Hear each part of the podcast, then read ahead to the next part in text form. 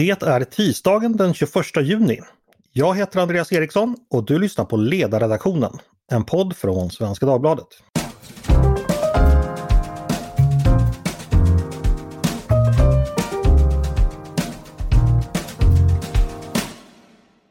Varmt välkomna ska ni vara. I dagens podd ska vi ge oss in i serierutornas värld och prata om Fantomen. Hela Sveriges mest älskade superhjälte. Och ni som inte eh, gillar serier eller Fantomen tycker jag inte ska stänga av redan nu utan häng kvar för det här kommer faktiskt bli intressant även om man inte är så insatt i Fantomens värld. För Vi kommer prata om mycket annat också. Men med mig för att diskutera denna maskerade hämnare har jag Eh, hämnare är han väl förresten inte kanske. Eh, maskerade hjälte tar vi istället. Har jag Robert Aman som är biträdande professor i pedagogik vid Linköpings universitet. Varmt välkommen! Tack så mycket! Vad säger du om det där med hämnare? Det, det är inte Fantomen, eller är han det? Svår fråga att svara på. Det är samma sak med eh, huruvida han är en, en superhjälte eller inte. Ja. Men jag, jag, jag, befarar att det här är lite av ett kaninhål som, ja. som vi, vi, kan stanna vid eh, eh, i över en timme. Va? Så att ja. frågan är om vi inte ska hoppa vidare ja. med detsamma och be läsarna mejla in sina egna åsikter. Klokt, mycket, mycket klokt. Mm. Eh, men vad har då en, professor i, en biträdande professor i pedagogik med Fantomen att göra undrar ni? Jo, det är så att du Robert har nyligen kommit ut med en bok som heter När Fantomen blev svensk, Vänsterns världsbild i trikå. Och den handlar väldigt mycket om det som, som titeln beskriver. Det, det, är då den svenska versionen av Fantomen i form av serietidningen och den egna produktionen av Fantomen-serien. Som då enligt dig och många andra i mycket speglar det svenska samhällets politiska utveckling under 1970-talet. Fantomen förvandlades från den amerikanska eh, dagsstripshjälten till en eh, annan sorts hjälte som tar upp teman och åsikter kring internationella relationer, bistånd, ekonomisk fördelning, miljöförstöring, könsroller och så vidare. Eh, som mycket sammanfaller med den dåvarande svenska vänstervågen. Så kan man väl sammanfatta det, Robert? Absolut. Eh, jag tänkte börja, eh, hur kom det sig att den här boken blev av? Var, varför ville du skriva en bok om Fantomen? Mm. Eh, det finns ju flera svar på den frågan. Eh, jag, precis som du, eh, var ju en gång i tiden inbitna Fantomen-läsare och hade det som ett väldigt stor hobby. Det betydde väldigt mycket under en period av mitt liv, just Fantomen och hans vedermödor. Mm. Så att få skriva en bok om honom känns ju väldigt, väldigt, väldigt, speciellt. Men den lite så torftiga bakgrunden är att jag hade skrivit en så kallad forskningsartikel det vill säga att eh, mestadels av forskningen publiceras på engelska idag i tidskrifter eh, och är på sådär en 8000 ord. Och då hade jag gjort en sådan artikel om en annan serie som heter Johan Vilde. Eh, har du läst den Andreas? Det har jag absolut gjort. Det är dock länge ja. sedan men det handlar om en pojke från, från Sverige som upplever äventyr i det svenska kolonialväldet i Afrika på 1600-talet. Precis, eh, det stämmer väldigt bra. Eh, och han färdas ju då på Louis De Geers skepp ner och, och, en av läsarna var bland annat Carl Johan De Geer eh, och den ligger då lite till grund för hans utställning Släkten och slavarna. Men det är ett sidospår. Hur som helst, de som gjorde den här serien det var Janne Lundström och Jaime Valvé. Och eh, de var också eh, starka krafter inom just den här svenska Fantomen-redaktionen. Och vad som är intressant då med den här Johan Wilde-serien som är väldigt bra, men det är också att även den då speglar väldigt mycket eh, tidsandan och, och, och eh, har en tydligt antikapitalistiskt budskap, skulle man kunna säga. Och när jag var klar med den så ville jag eh, helt enkelt ge mig kast med en kanske ännu större serie som då var eh, Fantomen och då började jag skriva en, eh, en, liknande artikel om just Fantomen och så när jag gick tillbaka till de här 70-talsserierna så började helt plötsligt projektet att svälla för att då insåg jag att det är så många olika teman som, som, som just den svenska Fantomen-redaktionen belyser. Det är nästan som att eh, de flesta äventyr kommenterar en händelse som pågår samtidigt utanför just seriesidorna. Mm. Förlåt eh, för långt svar. Nej, men det var alldeles utmärkt. Eh, ytterligare ett litet sidospår. Visst var det så att Johan Wilde ursprungligen publicerades som en biserie i Fantomen också? Eh, ja, precis. Den gick i Fantomen och även sedermera i Aftonbladet. Och det kom även eh, därefter sen ett par eh, ungdomsromaner på, om just eh, Johan Wilde. Just det. Eh, om vi ska börja då eh, från början när det gäller Fantomen. Det är ju en eh, amerikansk hjälte från början eh, som, mm. som skapades av en man som heter Lee Falk. Mm. Som då föddes i början på 1900-talet. Fantomen skapades 1936. kan du berätta lite, vad är det för serier som, som Lee Falk skapar på 30-talet? hur ska man, hur, vad ska man säga om den? Hur ska man förstå det sammanhanget den tillkommer i? Ja, eh, väldigt kortfattat så kan man ju säga att Fantomen är en, en av de första karaktärerna som har helt enkelt en, en, en eh, färggrann dräkt eh, på sig och mask och liknande. Och, och Lee vill ju väldigt gärna göra gällande att han skapade själva prototypen för hela superhjältegenren som han då ansåg att han inte hade fått tillräckligt mycket eh, för, utan att det tillföll istället Stålmannen skapare. Men det här är då en produkt av, man skulle kunna säga att, att, att Fantomen är en, speglar den europeiska äventyrsromanen. Eh, det är liksom som ett lapptäcke av reseberättelse, ödesmystik. Det är liksom den vite mannen i ett, ett, ett, ett Afrika som, som stöter på det radikalt främmande. Eh, eh, Lee Folk själv Eh, har beskrivit sina inspirationskällor som eh, verk av Kipling, men framförallt kanske av eh, Burroughs som skapade Tarzan. Och vid ett tillfälle så har Lee till och med eh, kallat sin skapelse för en Tarzan med en universitetsexamen. Och det tycker jag kanske fångar ganska väl då eh, vad vi har att göra med för typ av karaktär. Och sen får man komma ihåg att den här karaktären skapades då på 30-talet och och Lee Falk skrev ju då manus under en period av 50 år. Så att väldigt mycket eh, eh, har ju ändrats under den här eh, perioden. Exempelvis den här idén om att, att eh, den vi läser om idag framförallt är ju den 21 generationen Fantomen. Eh, och det är ju, det är ju en, en, en, eh, en, en idé som han fick lite senare helt enkelt. Så, att, så att det är en sak som hur han har själv eh, förändrat sin egen karaktär. Mm. Men, men Folk befinner sig alltså på ganska känd mark så att säga när han börjar. Han, han, kan låna från ganska mycket tidigare produkter både när det gäller litteratur och jag antar att även filmen vid den här tiden också speglade mycket av den typen av äventyr i exotiska miljöer helt enkelt. Absolut. Hur kommer det sig då, för sen, sen så kommer då Fantomen då till, till Sverige eh, först som eh, vad är det, dagstripp och sen som egen tidning. Eh, men hur kommer det sig att man börjar eh, bestämma sig för att börja göra egna svenska Fantomen-äventyr? Mm. Det är en, en eh, väldigt intressant historia. Det är så att, att Fantomen eh, får, eh, eller under 60-talet så har man en successivt ökad upplaga av tidningen som kommer ut framförallt en gång i månaden. Och då vill man från förlagets sida till Semic, eh, som då ägs av Bonniers, som ger ut Fantomen. Och då vill man öka från eh, eh, istället från en, en, gång i månaden till varannan vecka istället. Och problemet då som uppstår det är att det inte finns tillräckligt många Fantomen-äventyr att tillgå. Man, man publicerar då framförallt Lee Folks egna så kallade officiella äventyr men de är inte särskilt många till antalet och för att dryga ut då så gör man repriser och använder sig även av italienska äventyr från ett förlag som heter Fratelli Spada.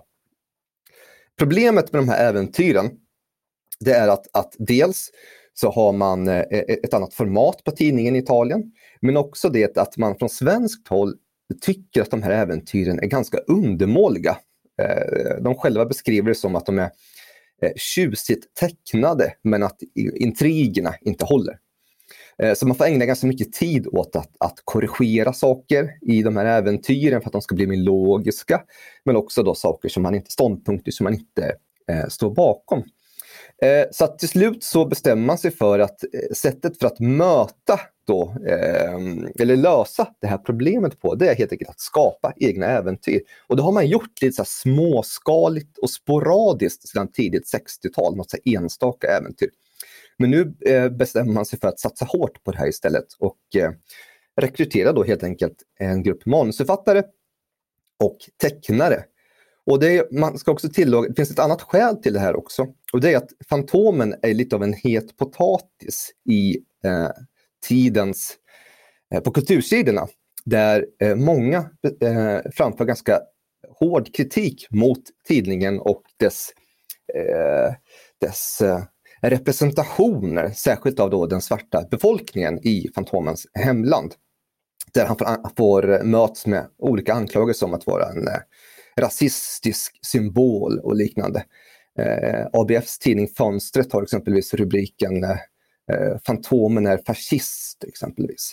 Eh, så att ett sätt att då göra egna äventyr blir ju också en möjlighet till att försöka möta den här eh, eh kritiken och, och, eh, och, helt enkelt ändra eh, Fantomen så att han går eh, mer i takt med tiden enligt, enligt Eh, Eh, utifrån manusförfattarnas perspektiv.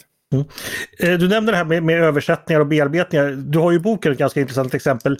Det är väl en Liv Folk-historia där, där man översätter som egentligen handlar om en förfader då som seglade med, med Columbus och eh, den nutida Fantomen berättar den här historien för eh, Diana som är, i Liv Folks version så är hon väldigt så här Åh, han, seglade med Columbus eller så men i den svenska versionen har det blivit Ja, det är väl typiskt hur eh, de vita européerna på den tiden trodde att de kunde ta allt land. Eller så här. Så det, det ändras helt betydelsen av, av några rutor där.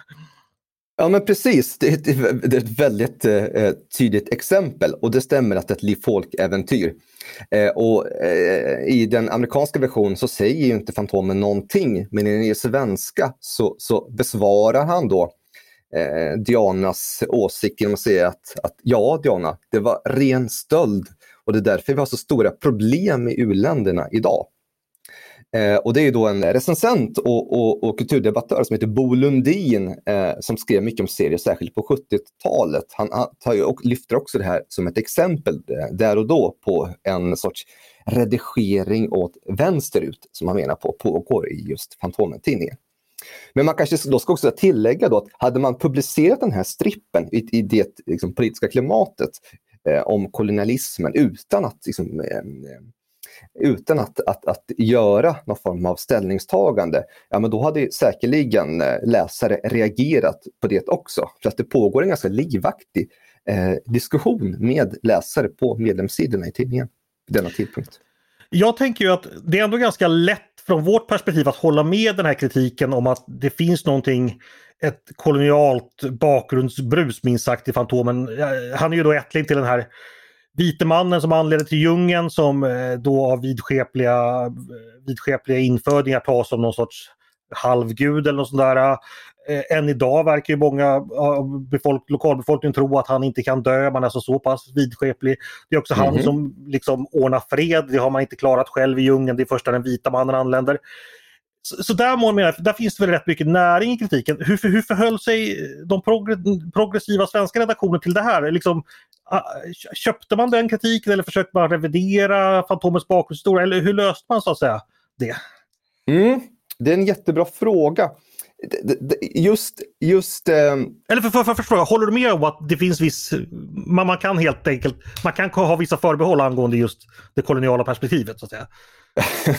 jo, nej, men det har jag, det har jag verkligen. Den är, det, är, äh, äh, det är ju högst påtagligt och i den här boken så ägnar jag ju väldigt mycket tid åt att just diskutera de här frågorna som är högst påtagliga. Eh, och, eh, ehm, de kom, det går ju inte att ändra ramberättelser på sådant sätt att, att man helt eh, frigör sig just från den här koloniala strukturen i berättelsen.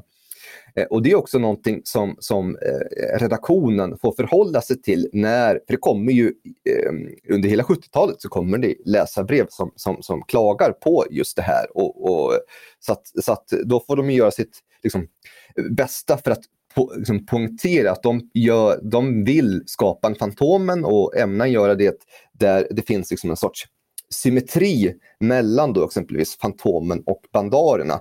Sen är det väl kanske lite tveksamt eh, eh, hur, hur pass väl de lyckas på just det området. Men eh, ett annat sätt som de försöker kanske lösa det på, det är också just frågor om rasism, koloniala kvarlevor och liknande. Det blir ju eh, ämnen som återkommande diskuteras där, där, där Fantomen bryter in i de här diskussionerna och, och, och intar ett perspektiv som eh, man kan anta många gånger delas av eh, läsarna. Mm.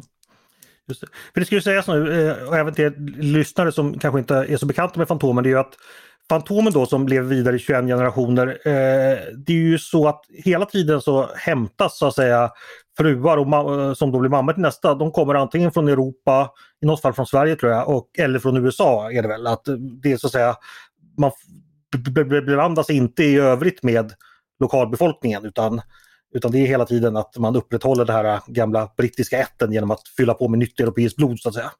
Vilket också kan väl uppfattas som ganska egendomligt och problematiskt att man i så många generationer håller fast vid det. Ja, det kan man lugnt eh, påstå. Det är alltså att under 500 års, en period av 500 år så, så, så äh, är det alltid äh, i USA eller Europa som, som Fantomen företrädesvis finner kärleken. Och också dit då han skickar sina barn för att gå eller utbilda sig. Mm. Så, så, så att ja, Just det. Eh, du, din bok är uppbyggd så att varje kapitel behandlar olika politiska teman kan man säga. Eh, jag tänker vi ska gå igenom dem lite noggrannare. Ett av dessa teman de rör ju då internationella relationer och bistånd. Eh, kan du berätta lite mer om det? Hur, hur, märker man den svenska redaktionens ambitioner när det gäller det området? Mm. Eh, det är ganska påtagligt och det har flera olika dimensioner. Men, men ett exempel då det är ju att, att, Fantom, att det dyker upp ett äventyr som heter Handelskriget. 1973. Och i det här äventyret eh, som då behandlar ett gäng svarta lantarbetare på den afrikanska landsbygden som, som eh, inte är läs och skrivkunniga. Och vad som händer är att de tvingas köpa alla sina redskap för att utföra sina arbetsuppgifter i eller, um, en handelsbod som ägs av skrupelfria vita grossister. Eh, och de blir då helt enkelt eh, avlurade hela sitt, eh, sin skörd, eh, det vill säga produkten av deras arbete. Och eh, Fantomens sätt att lösa den här konflikten skiljer sig väldigt markant från hur han brukar lösa konflikter. Vanligtvis använder han sig av sitt liksom, betydande våldskapital som lämnar den här ofrivilliga ansiktstatueringen i form av en dödskalle på en motståndares haka. Men i detta fall så har han ett helt annat trick. Och det är att han, han eh, lär ut eh, kooperationsideologi. Alltså han skapar helt enkelt ett konsum i djungeln. Ehm, eh, så att de här lantarbetarna de får hjälp med att sätta upp sin egen eh, affär som, som då ska drivas som ett kooperativ. Och eh, Äventyret är ju eh, liksom, eh, nästan didaktiskt uppbyggt där det finns långa sekvenser där just Fantomen och en medarbetare till honom går igenom just grunderna kring just ett kooperativ. Eh, och eh, Det är också en del av exempelvis ett, en, ett, ett stort svenskt eh, biståndsprojekt som eh, genomförts blott ett par år tidigare. Eh, eh, på den afrikanska landsbygden med, med, samma målsättning helt enkelt, att hjälpa människor att starta kooperativ eh, för att skydda sina ekonomiska intressen. Får jag fråga, det här avsnittet där du beskriver det och när man läser i boken så framstår det lite nästan som överdrivet i sin pedagogiska nit. Mm. Vet du någonting om hur det här blev mottaget? Kändes läsarna skrivna på näsan eller något sånt där? Eller kom det några reaktioner? Vet du det? Det finns ingenting, när det kommer till reaktioner så är det inte nödvändigtvis något sådant som, som, som eh, man kan liksom läsa om i de här, eh, i, exempelvis på medlemssidorna. Med det sagt så är det ju också ett, ett, ett, alltså det som äventyr betraktat. Det är intressant för, för, kanske för dig och mig här idag. Men eh, som äventyr betraktat så är det av det torftigare slaget. Alltså det är ju ja. väldigt lite eh, eh, det är väldigt lite eh, action i själva äventyret som sådant. Så att det blir mer en idé, det är mer intressant som, som, som ett exempel på hur man liksom, framför en idé, kanske snarare än av ett, att det ska vara ett klassiskt liksom, pojkäventyr som man kanske många gånger eh, associerar med just Fantomen. Mm. Men för det får jag ändå säga att om det är då en avvägning mellan liksom hur, hur, mycket pedagogiskt man ska vara och hur roande man ska vara.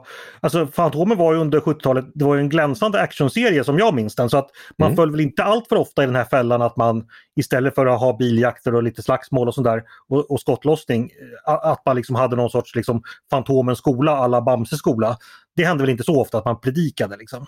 Nej, utan ett sätt som man löser det här på, det är ju då att man, man kan ju, det finns en, en serieforskare som heter Richard Reynolds som brukar eh, eh, som gör gällande då att, att det bästa sättet att notera eller identifiera en sorts politisk inramning för en serie, det är att liksom titta på vilka är det som är skurkarna i äventyret.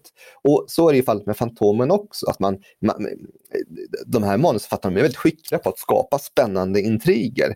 Men eh, de skiljer sig mycket åt jämfört med, med Lee Folk exempelvis på så sätt att de Eh, att eh, man skapar nya fiender. Alltså det är den familjen Stevens som är en vit aristokratisk kolonial familj som styr och ställer i, i, i Fantomens Bengali och som, som gör sitt yttersta i det fördolda för att bibehålla sin ställning och makt. Och de äger stora delar av Bengalis naturresurser. Eh, man skapar ju också det här grannlandet Rhodia som, som, som är ett apartheidland och, och, och, har väldigt tydliga likheter med Rhodesia och Sydafrika som var väldigt mycket eh, på agendan vid denna tidpunkt. Mm. Vi ska återkomma till det, men jag tänkte bara dröja lite där vid familjen Stevens.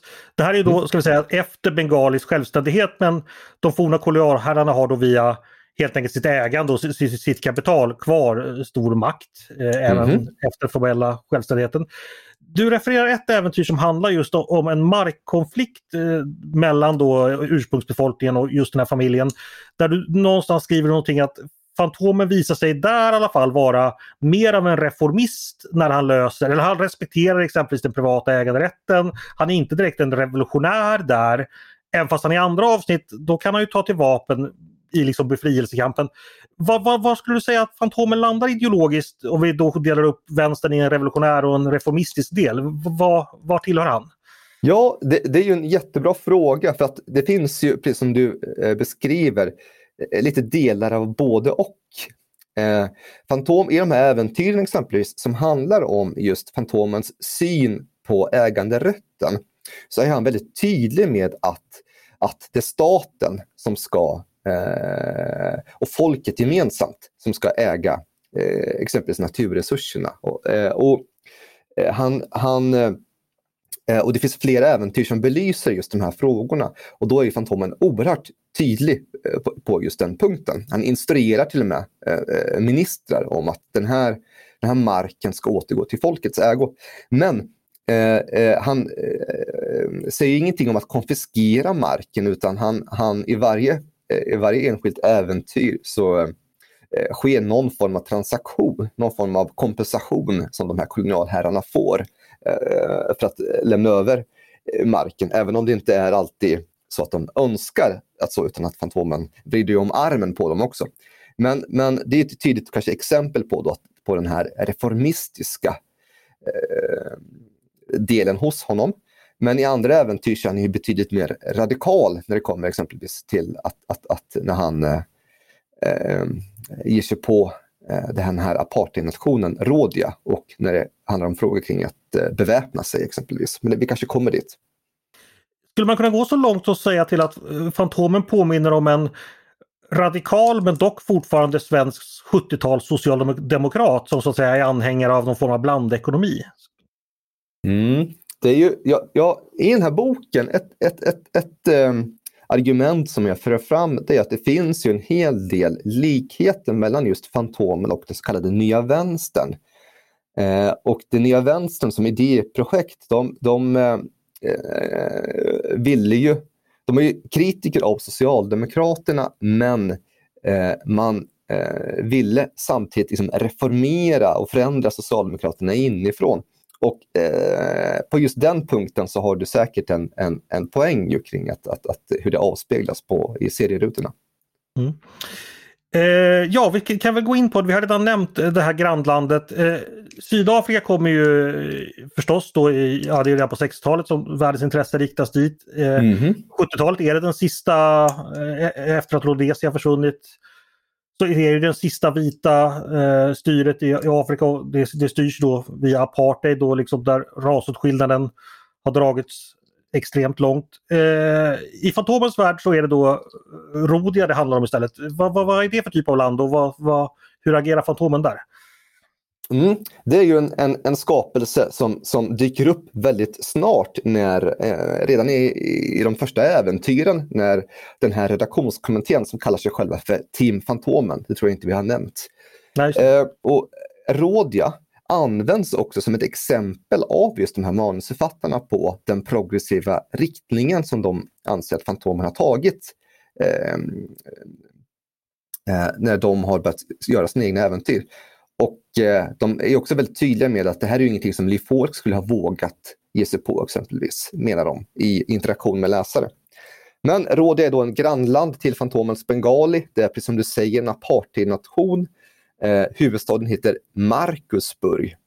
Och eh, eh, jag har alltid trott, jag vet inte om, om, om du reflekterar över det, men jag har alltid trott att man helt enkelt lånade namnet Rhodia från Rhodesia och sen så bytte man ut eh, Johannesburg mot Markusburg, så att en, av, en lärjunge mot en annan.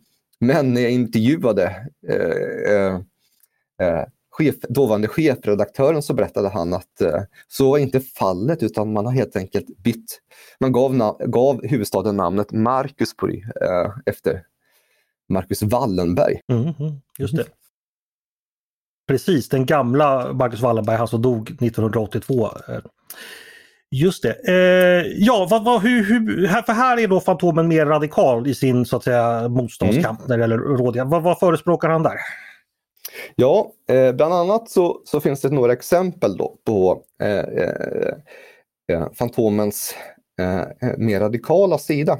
Ett exempel, sådant exempel är att, att han inte tvekar inför att förse den tunt maskerade kopian av ANC i serien med vapen. Och Det låter kanske inte särskilt kontroversiellt, men eh, det kan det vara om man tar i beaktning att Sverige hade ju eh, inlett eh, sitt bistånd just till ANC strax innan. Och eh, en sak, eh, och då försedde man ANC med pengar, men man vägrade ge dem eh, vapen. Och eh, det var ju någonting som framförallt företrädare från vänsterkanten kritiserade dem för. Eh, så att själva innehållet i svenska biståndet var då en, en, en het potatis. I praktiken då, menar eh, forskare som har studerat det här, så hade det ringa betydelse för att, för att de fick ju sina vapen från Sovjet. Men det, var, eh, det betraktades då exempelvis enligt Tore Sällström som ett hyckleri. Eh, Eh, så där är Fantomen väldigt tydlig i, i den här konflikten. Att han, han, det, det, det, det, är liksom ett, ska läsas då som ett inrikespolitiskt inlägg snarast då, att det är rätt att man kan ju läsa det precis hur man vill, men en möjlig tolkning av just det här äventyret är ju då att, att Fantomen inte drar sig för att förse eh, grillan med vapen.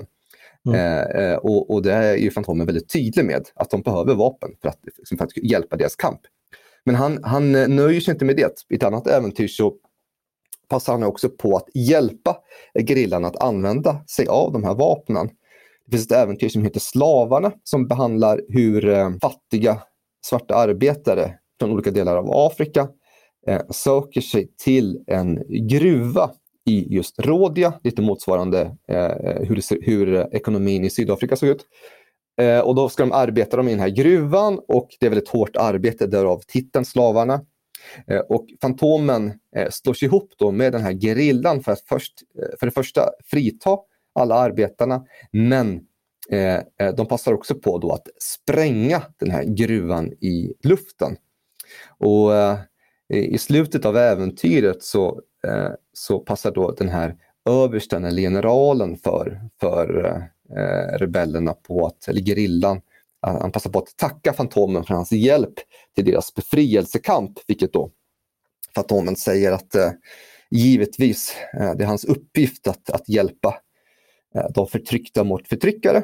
Och sen i sista delen av äventyret så är han hemma igen i Dödskallegrottan och då läser Guran, hans, hans bäste vän där, från tidningen om just vad som har hänt med den här gruvan, att den har sprängts i luften. Och då då säger ju Fantomen lite lakoniskt att eh, det räcker inte eh, eh, med att bara läsa om saker och ting, man måste göra någonting också. Mm. Just det. Eh, en fråga som jag funderar på. Under hela den här tiden, 1970-talet, så Liv Folk fortsätter ju sin produktion borta i USA och där händer det saker. Det blir äktenskap mellan Fantomen och Diana och det blir familjeliv. Eh, mm.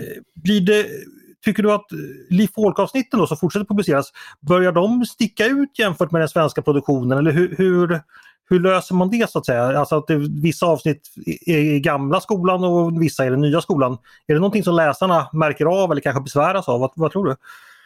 Eh, det är en jättebra eh, fråga för att det finns egentligen ingen särskild lösning på, på, på det dilemmat. Om jag återigen får, får eh, åberopa Bo Lundin så skriver han i sin bok Salongsbödarna som kommer ut på 70-talet att, att, han, eh, att det blir nästan, att en Fantomen-tidning börjar nästan bli, den, det är väldigt schizofren läsning, står han fast. Mm. Därför att det finns i ett och samma nummer så kan det vara eh, så vilt skilda eh, tolkningar av just Fantomens universum när ett svenskt äventyr ligger bredvid, eh, kommer liksom före eller efter ett amerikanskt äventyr. Och jag tycker att det är en ganska passande beskrivning av eh, hur just de här äventyren kan se ut, eller de här numren kan se ut när man läser dem. Men det var inte nödvändigtvis något som jag tänkte på som barn. Hur gjorde du det? Nej, jag tänkte inte på det. Jag tänkte ja. att de gamla Leaf Fork-äventyren kände man ju igen. För de mm. var ju lite tråkigare, eller mycket tråkigare tecknade och handlar ofta om samma sak tycker jag. Mm. Vet, vet, vet om man gick så långt så att man valde att inte publicera nya äventyr från USA eller att man valde att inte reprisera vissa äldre eh, för att de helt enkelt hade blivit för aparta jämfört med utvecklingen? Har du koll på det? Eh, ja, men det finns ju vissa äventyr som, som, som man eh, valde att inte publicera. Exempelvis eh, så finns det ett, ett famöst äventyr som heter Krig i djungeln som skrevs eh, samtidigt som, det skrevs eh, samtidigt som, som Japan eh, eh attackerade Pearl Harbor, alltså under andra världskriget. Och eh, det är då ett äventyr som, som, som är eh, fullt av eh, rasistiska nidbilder av eh, japaner. Och det är faktiskt det enda äventyret som eh, Liv Falk i backspegeln kunde gå med på att, att, att medge. Han fick ju återkommande anklagelser mot sig av att, att, att det fanns rasism i Fantomen. Och den enda gången som han gick med på att, att, att så kunde ha varit fallet är just det här äventyret Krig i djungeln eh, och då riktade mot, mot den japanska befolkningen. Mm. Eh, en annan fråga, eh, jag ska förklara då just det för, för lyssnarna som inte känner till det här. Fantomen är ju egentligen Fantomen är ju väldigt lik sina förfäder. Eh, de är ju egentligen, det är samma figur det handlar om som har varit i farten sedan 1500-talet. De här historiska äventyren som jag tyckte väldigt mycket om som barn, som då oftast består av att Fantomen läser helt enkelt eh, sina anfäders minnen. Alltså alla Fantomer är väldigt duktiga självbiografiska författare, men de skriver ner allt som har hänt dem. Eh, de äventyren, är, är, finns det den här eh, progressiva, progressiva svenska ådran med där någonting också? Att man liksom vill ge en svensk 1970-talsanda eh, även till de historiska skeendena? Ja, de, du har rätt i att de är oerhört, jag, jag uppskattar de här äventyren väldigt mycket också. Och de är, precis som du säger, oerhört detaljrika de här uh, krönikorna, nästan på en eh, Knausgård-nivå. Man kan också tillägga exempelvis att den här, eh, vi nämnde precis i början av samtalet Johan Wilde mm. eh, och den här 1600-talsäventyret som då eh, behandlar Sveriges koloniala förflutna eller Sveriges inblandning i ett slavfort. Eh, det var från början ett, ett tanken att det skulle bli ett Fantomen-äventyr av just mm. Janne Lundström som var en av de här manusförfattarna. Eh, men sen så tycker han att den här historien är alldeles för intressant för att ödslas på Fantomen. Därav att han skapar den här pojken istället. Eh, så där har du ett sånt exempel. Men, men, men, och det finns också flera äventyr där exempelvis då Fantomen slåss mot, vill befria slavar under eh, på 1800-talet i USA och liknande. Men däremot så är det under den här perioden, eh, under 70-talet då, som vi framförallt pratar om, allra mest påtagligt i de många äventyren som då berör den eh, nutida Fantomen. Just eh, hur gammal är för övrigt den nutida Fantomen? Han har ju, bör väl egentligen eh, lämna, ha lämnat in för ganska länge sedan med tanke på att han var igång redan på 30-talet. Eller var det hans pappa då? Har man förklarat det någonsin hur det är? Du, vi, vi, vi, borde nästan, det, du har ju en namne som är eh, chefredaktör för Fantomen idag och en gång i tiden på 90-talet vann eh, tävlingen kvitt eller dubbelt i just Fantomen-kunskap. En annan mm. Andreas Eriksson. Eh, och han skulle kunna besvara den här frågan med mer precision tror jag. Men, men eh, det stämmer att man har eh, ändrat, precis i början där, ändrade eh, lite fram och tillbaka kring den 20 och den 21 Fantomen. Och det finns ju idag Fantomen-äventyr som berör eh, Fantomens barn och också sådana som är förlagda i framtiden där då Fantomens barn är vuxna eh, eh, och man inte riktigt vet vad som har hänt med deras pappa. Det är liksom mm -hmm. lite av mhm. ett mysterium. Eh, men, men det tror jag att ni får bjuda in en eh, gäst här till, till Ledarpodden som eh, är mer bekant med de samtida äventyren än vad jag är. Just det. Eh, du, ytterligare en fråga. Eh, det är ju det här med serier. Serier är ju ändå serier, har då, det finns ju begränsningar med, i, i mediet. Eh, en sak som jag tänker, hamnar Fantomen någonsin i, i moraliska eller ideologiska konflikter där det liksom finns två goda ting att välja på eller två, bara två onda ting att välja på. Där han så att säga tvingas prioritera eller tvingas ge upp någonting. Eller är det alltid lätt för honom? Har du några tankar kring det? Det är också en jättebra fråga och det finns ju jag skulle vilja ge ett, alltså det, det, det, det exemplet som jag framförallt kommer på eh, så på stående fot, det är ju berör just miljöfrågan som aktualiseras mer och mer och särskilt i slutet mot 70-talet. Och då eh, eh, finns det ju en, ett dilemma hos Fantomen att när det kommer till exempelvis, eh, vi får se väldigt pedagogiskt uppbyggda äventyr där vi ser hur eh, exempelvis eh, regnskog skövlas, eh, eh, ökens eh, utbrednad, eh, gifter i, i floder och liknande vilket då kan, kan, kan kopplas till, eller, eller kopplas till snarare, eh, kapitalets rovdrift. Och när det kommer just till eh, de här storföretagen och deras ständiga jakt på profit eh, så, så har vi äventyr där man återkommande förklarar just konsekvenserna av just den här eh, rovdriften. Men det finns egentligen ingen lösning utan vad som händer exempelvis är att Fantomen tvingas stanna vid en sorts verbal smocka. Att han, att han, eh, att han tar sig in till kontoret hos en VD för ett multinationellt bolag och eh, får helt enkelt nöja sig med att skälla ut honom efter noter.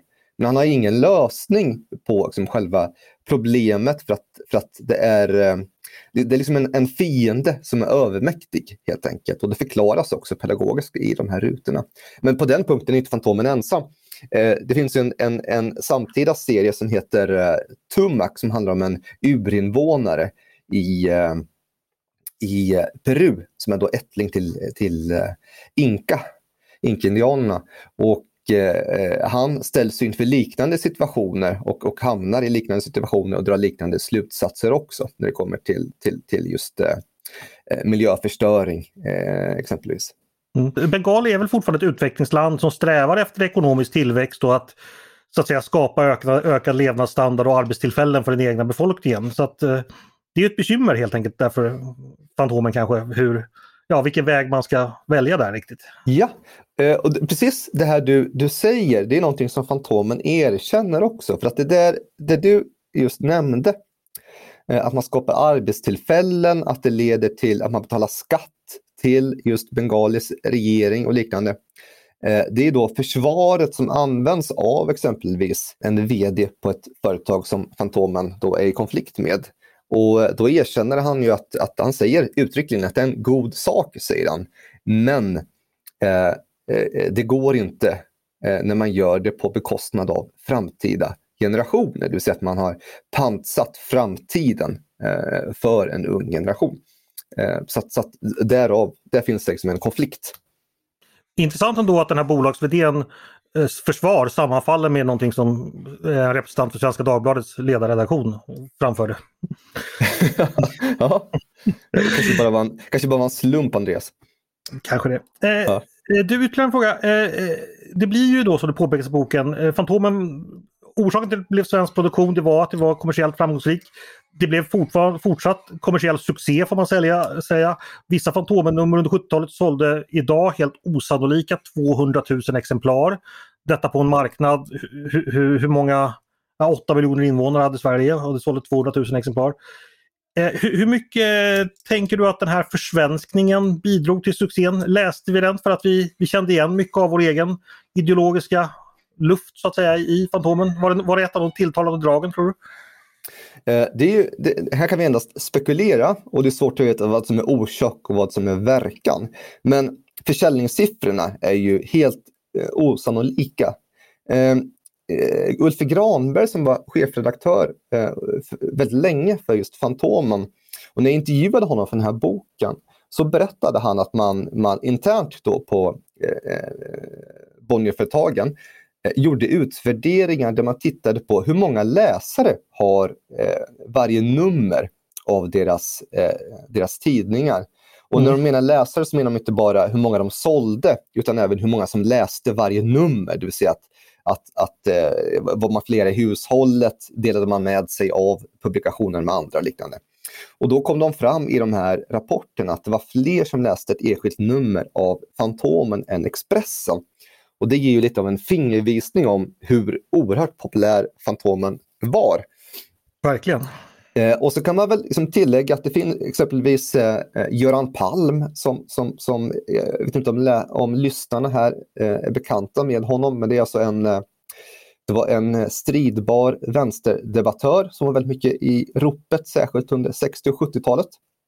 Eh, han har ju i efterhand kommenterat sina egna kommersiella framgångar med att det var få eh, publikationer som sålde bättre vid den här tidpunkten än just vänsterpamfletter. Eh, och han menar då på att, att det var liksom ett skäl till hans egna kommersiella framgångar. Och det går väl då utifrån det spekulera om att, att, att Eh, eh, den här försvenskningen av Fantomen mycket väl kan ha haft, eh, spelat en viss roll i att, att i tidningens i det närmaste exempellösa framgångar. Mm. du, jag tänkte 70-talet var också en tid där, då, med, med, snabba sociala förändringar i, i, i, liksom, i synen på väldigt mycket. Däribland sexualitet. Eh, men dit går aldrig riktigt Fantomen, att man för in sexualitet i, som liksom en faktor i äventyren. Eller, hur var det med den saken? Nej, eh, det är ju, eh, däremot så adresserar man frågan om könsroller. Eh, ja. Exempelvis att man, man låter Diana Fantomens fästmö, sedermera fru, få en eh, framskjuten position, särskilt då i äventyret Diana Djungelpatrullen som är kanske ett av de mest berömda. Mm. Eh, och där eh, så har man ett progressivt budskap. Och där är ju manusförfattaren Magnus Knutsson, eh, han berättar att han är uttryckligen inspirerad just av just eh, den debatt som pågår på exempelvis kultursidorna med, med eh, 8 och kvinnorörelsen och liknande. Eh, men, men det progressiva budskapet här kan delvis undermineras av eh, vissa bilder på Diana eh, som, som då framförallt då är riktade till kanske unga manliga läsare. Man får se henne i det närmaste naken då i samband med en medicinsk undersökning och liknande. Men eh, det är ingenting som var med i manus, visar Magnus, utan det, är ju, det får ju då tillskrivas eh, tecknarens kreativitet, det vill säga Jaime Valver i det här fallet. Eh, eh, och sen så är det så att på, vad blir det, sent 70-tal, början av 80-talet när eh, den här eh, redaktionsgruppen breddats, så har det kommit in manusförfattare från olika delar av världen och liknande. Eh, och särskilt under tidigt 80-tal så dyker nya karaktärer upp som en, eh, en eh, fiende med inte alltid, inte särskilt subtila namnet prinsessan Sin eller Princess Sin, som i synd, eh, vars eh, främsta stridstaktik är att hon klär av sig inför, eh, inför Fantomen och försöker förföra honom. Så att, men det är ju ett, ett, ett, ett senare kapitel i, i Fantomens historia. Mm. Eh, men, men, man gick ändå inte så långt så att man liksom på allvar förde in sexualitet. Som, man får liksom, för till och med i Bamse får man ju se att Bamse och Brummelisa ligger och kramas och sen blir det, blir det barn. Men så långt går man inte i Fantomen när det gäller, gäller det. Nej, det är inget, inget tema som, som, som uh, har något framträdande fokus i, i, um, i äventyren. Nej. Du, eh, sen tar ju den här epoken eh, slut så småningom berättar du att eh, 70-tal blir 80-tal, samhället förändras, så också Fantomen. Vad är det som händer då? Eh, följer man samhället i övrigt eller tröttnar man eller är det något annat som sker? Ja, det blir ganska stora förändringar i den här redaktionskommittén, exempelvis då de mest framträdande som har, eh, ligger bakom äventyren som vi har pratat om här idag. Eh, Magnus Knutsson och Janne Lundström, de går ju vidare till andra uppdrag. Eh, och det kommer in nya manusförfattare eh, och Seriefrämjandets tidskrift Bild och Bubbla, som är en facktidskrift exempelvis, de har ett temanummer där de diskuterar Fantomen 1982.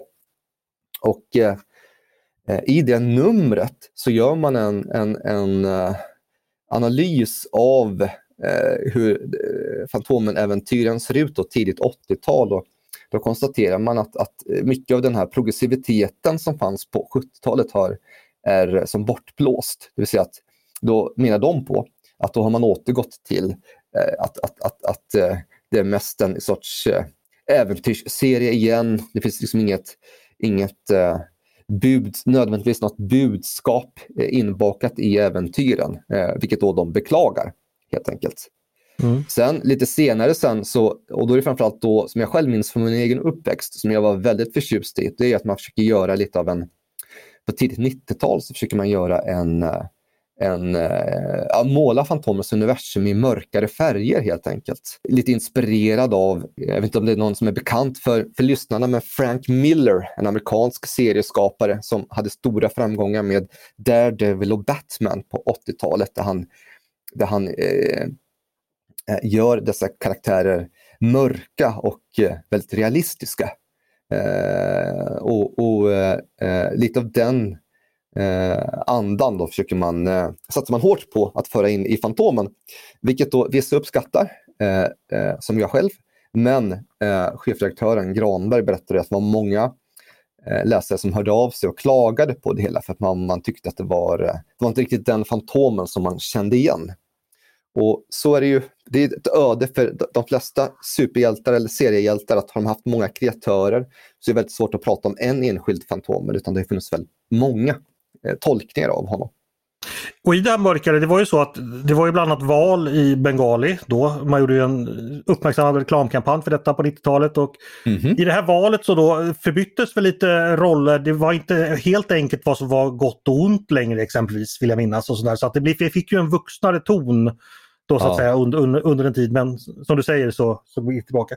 Men nu när du ändå nämner 90-talet, då måste vi ändå nämna den största förändringen i Fantomen. Eh, en som jag aldrig har kunnat egentligen förlika mig med. Och det är ju att Fantomens värld plötsligt blev i färg. Och det mm. var ju märkligt, tycker jag. Det tycker väl ganska många.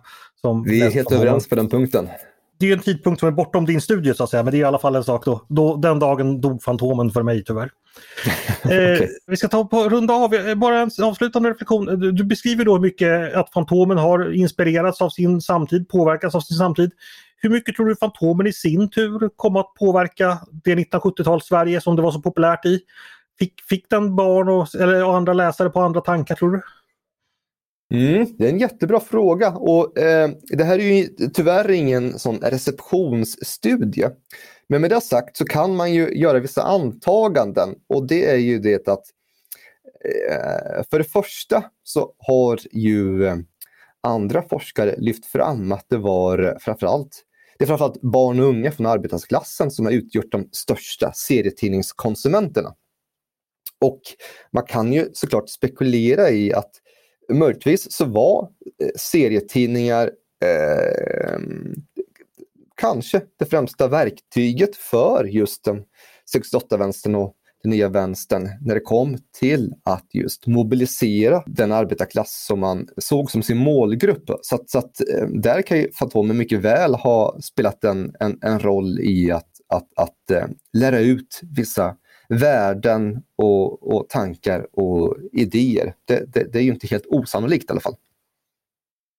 Nej, Just det. Eh, ytterligare en fråga, eh, jag vet inte om du har koll på den, men, men det här gänget då, som bildade eh, Team Fantomen och de som stod för eh, tankarna bakom serierna. Vad var det för människor egentligen? Vad hade de för bakgrund och hur, hur, vad hade format dem? så att säga? Mm.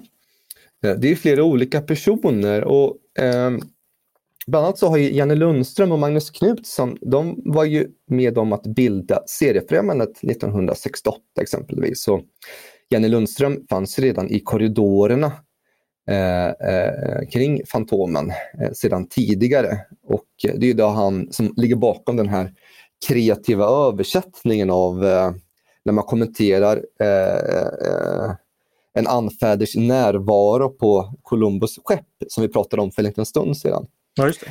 Sen är frågan hur mycket mer eh, man ska säga om dem. De går ju, Magnus Knutsson går ju sedermera vidare till att, att Eh, eh att eh, göra eh, eh, den lite mer satirinriktade serien Ratte för Aftonbladet efter att hon har lämnat Fantomen. Men det här är då personer som är sprungna och, det är väl tydligt i alla fall i deras serier att de är, att de är påverkade av, det, av de politiska frågor som, som diskuterades i, i, i samhället vid denna tidpunkt. Just det. Eh, Ratti är ju en serie som för några år sedan faktiskt eh, nyutgavs för att det hade länge varit svårt att få tag i de gamla albumen från 80-talet. Så den, den finns nu att köpa i en samlingsutgåva som jag tror eh, Galago har gett ut och den kan jag varmt rekommendera ifall man vill ha en lite svensk seriekonst och framförallt samtidskommentar från första halvan av 1980-talet. Ja, den är, det stämmer. Den är eh, väldigt, väldigt rolig att läsa. De är väldigt skickliga, både han eh, Ulf Jansson som har eh, gjort den. Mm, just det. Men eh, detta om Ratte och detta om Fantomen. Eh, stort tack Robert Aman för att du kom hit och eh, gästade podden. Ja, tack själv. Och tack till er som har lyssnat också. Jag hoppas ni som hängde med har lärt er någonting nytt och kanske letar upp den gamla serietidningshyllan och läser Fantomen med lite nya ögon kanske. Eh, stort tack för att ni har lyssnat på Ledarredaktionen, en podd från Svenska Dagbladet. Ni är varmt välkomna att höra av er till redaktionen med tankar och synpunkter på det vi har precis diskuterat. Eller om det är så att jag eller Robert har råkat slarva med någon detaljkunskap kring Fantomens värld, då får ni gärna rätta oss också. Det var trots allt några år sedan man var som mest inne i det här. Eh, eller också om ni har idéer och förslag på saker vi borde ta upp i framtiden. Då är det bara att mejla till ledarsidan snabel svd.se. Dagens maskerade producent, han heter Jesper Sandström. Jag heter Andreas Eriksson och jag hoppas att vi hörs igen snart.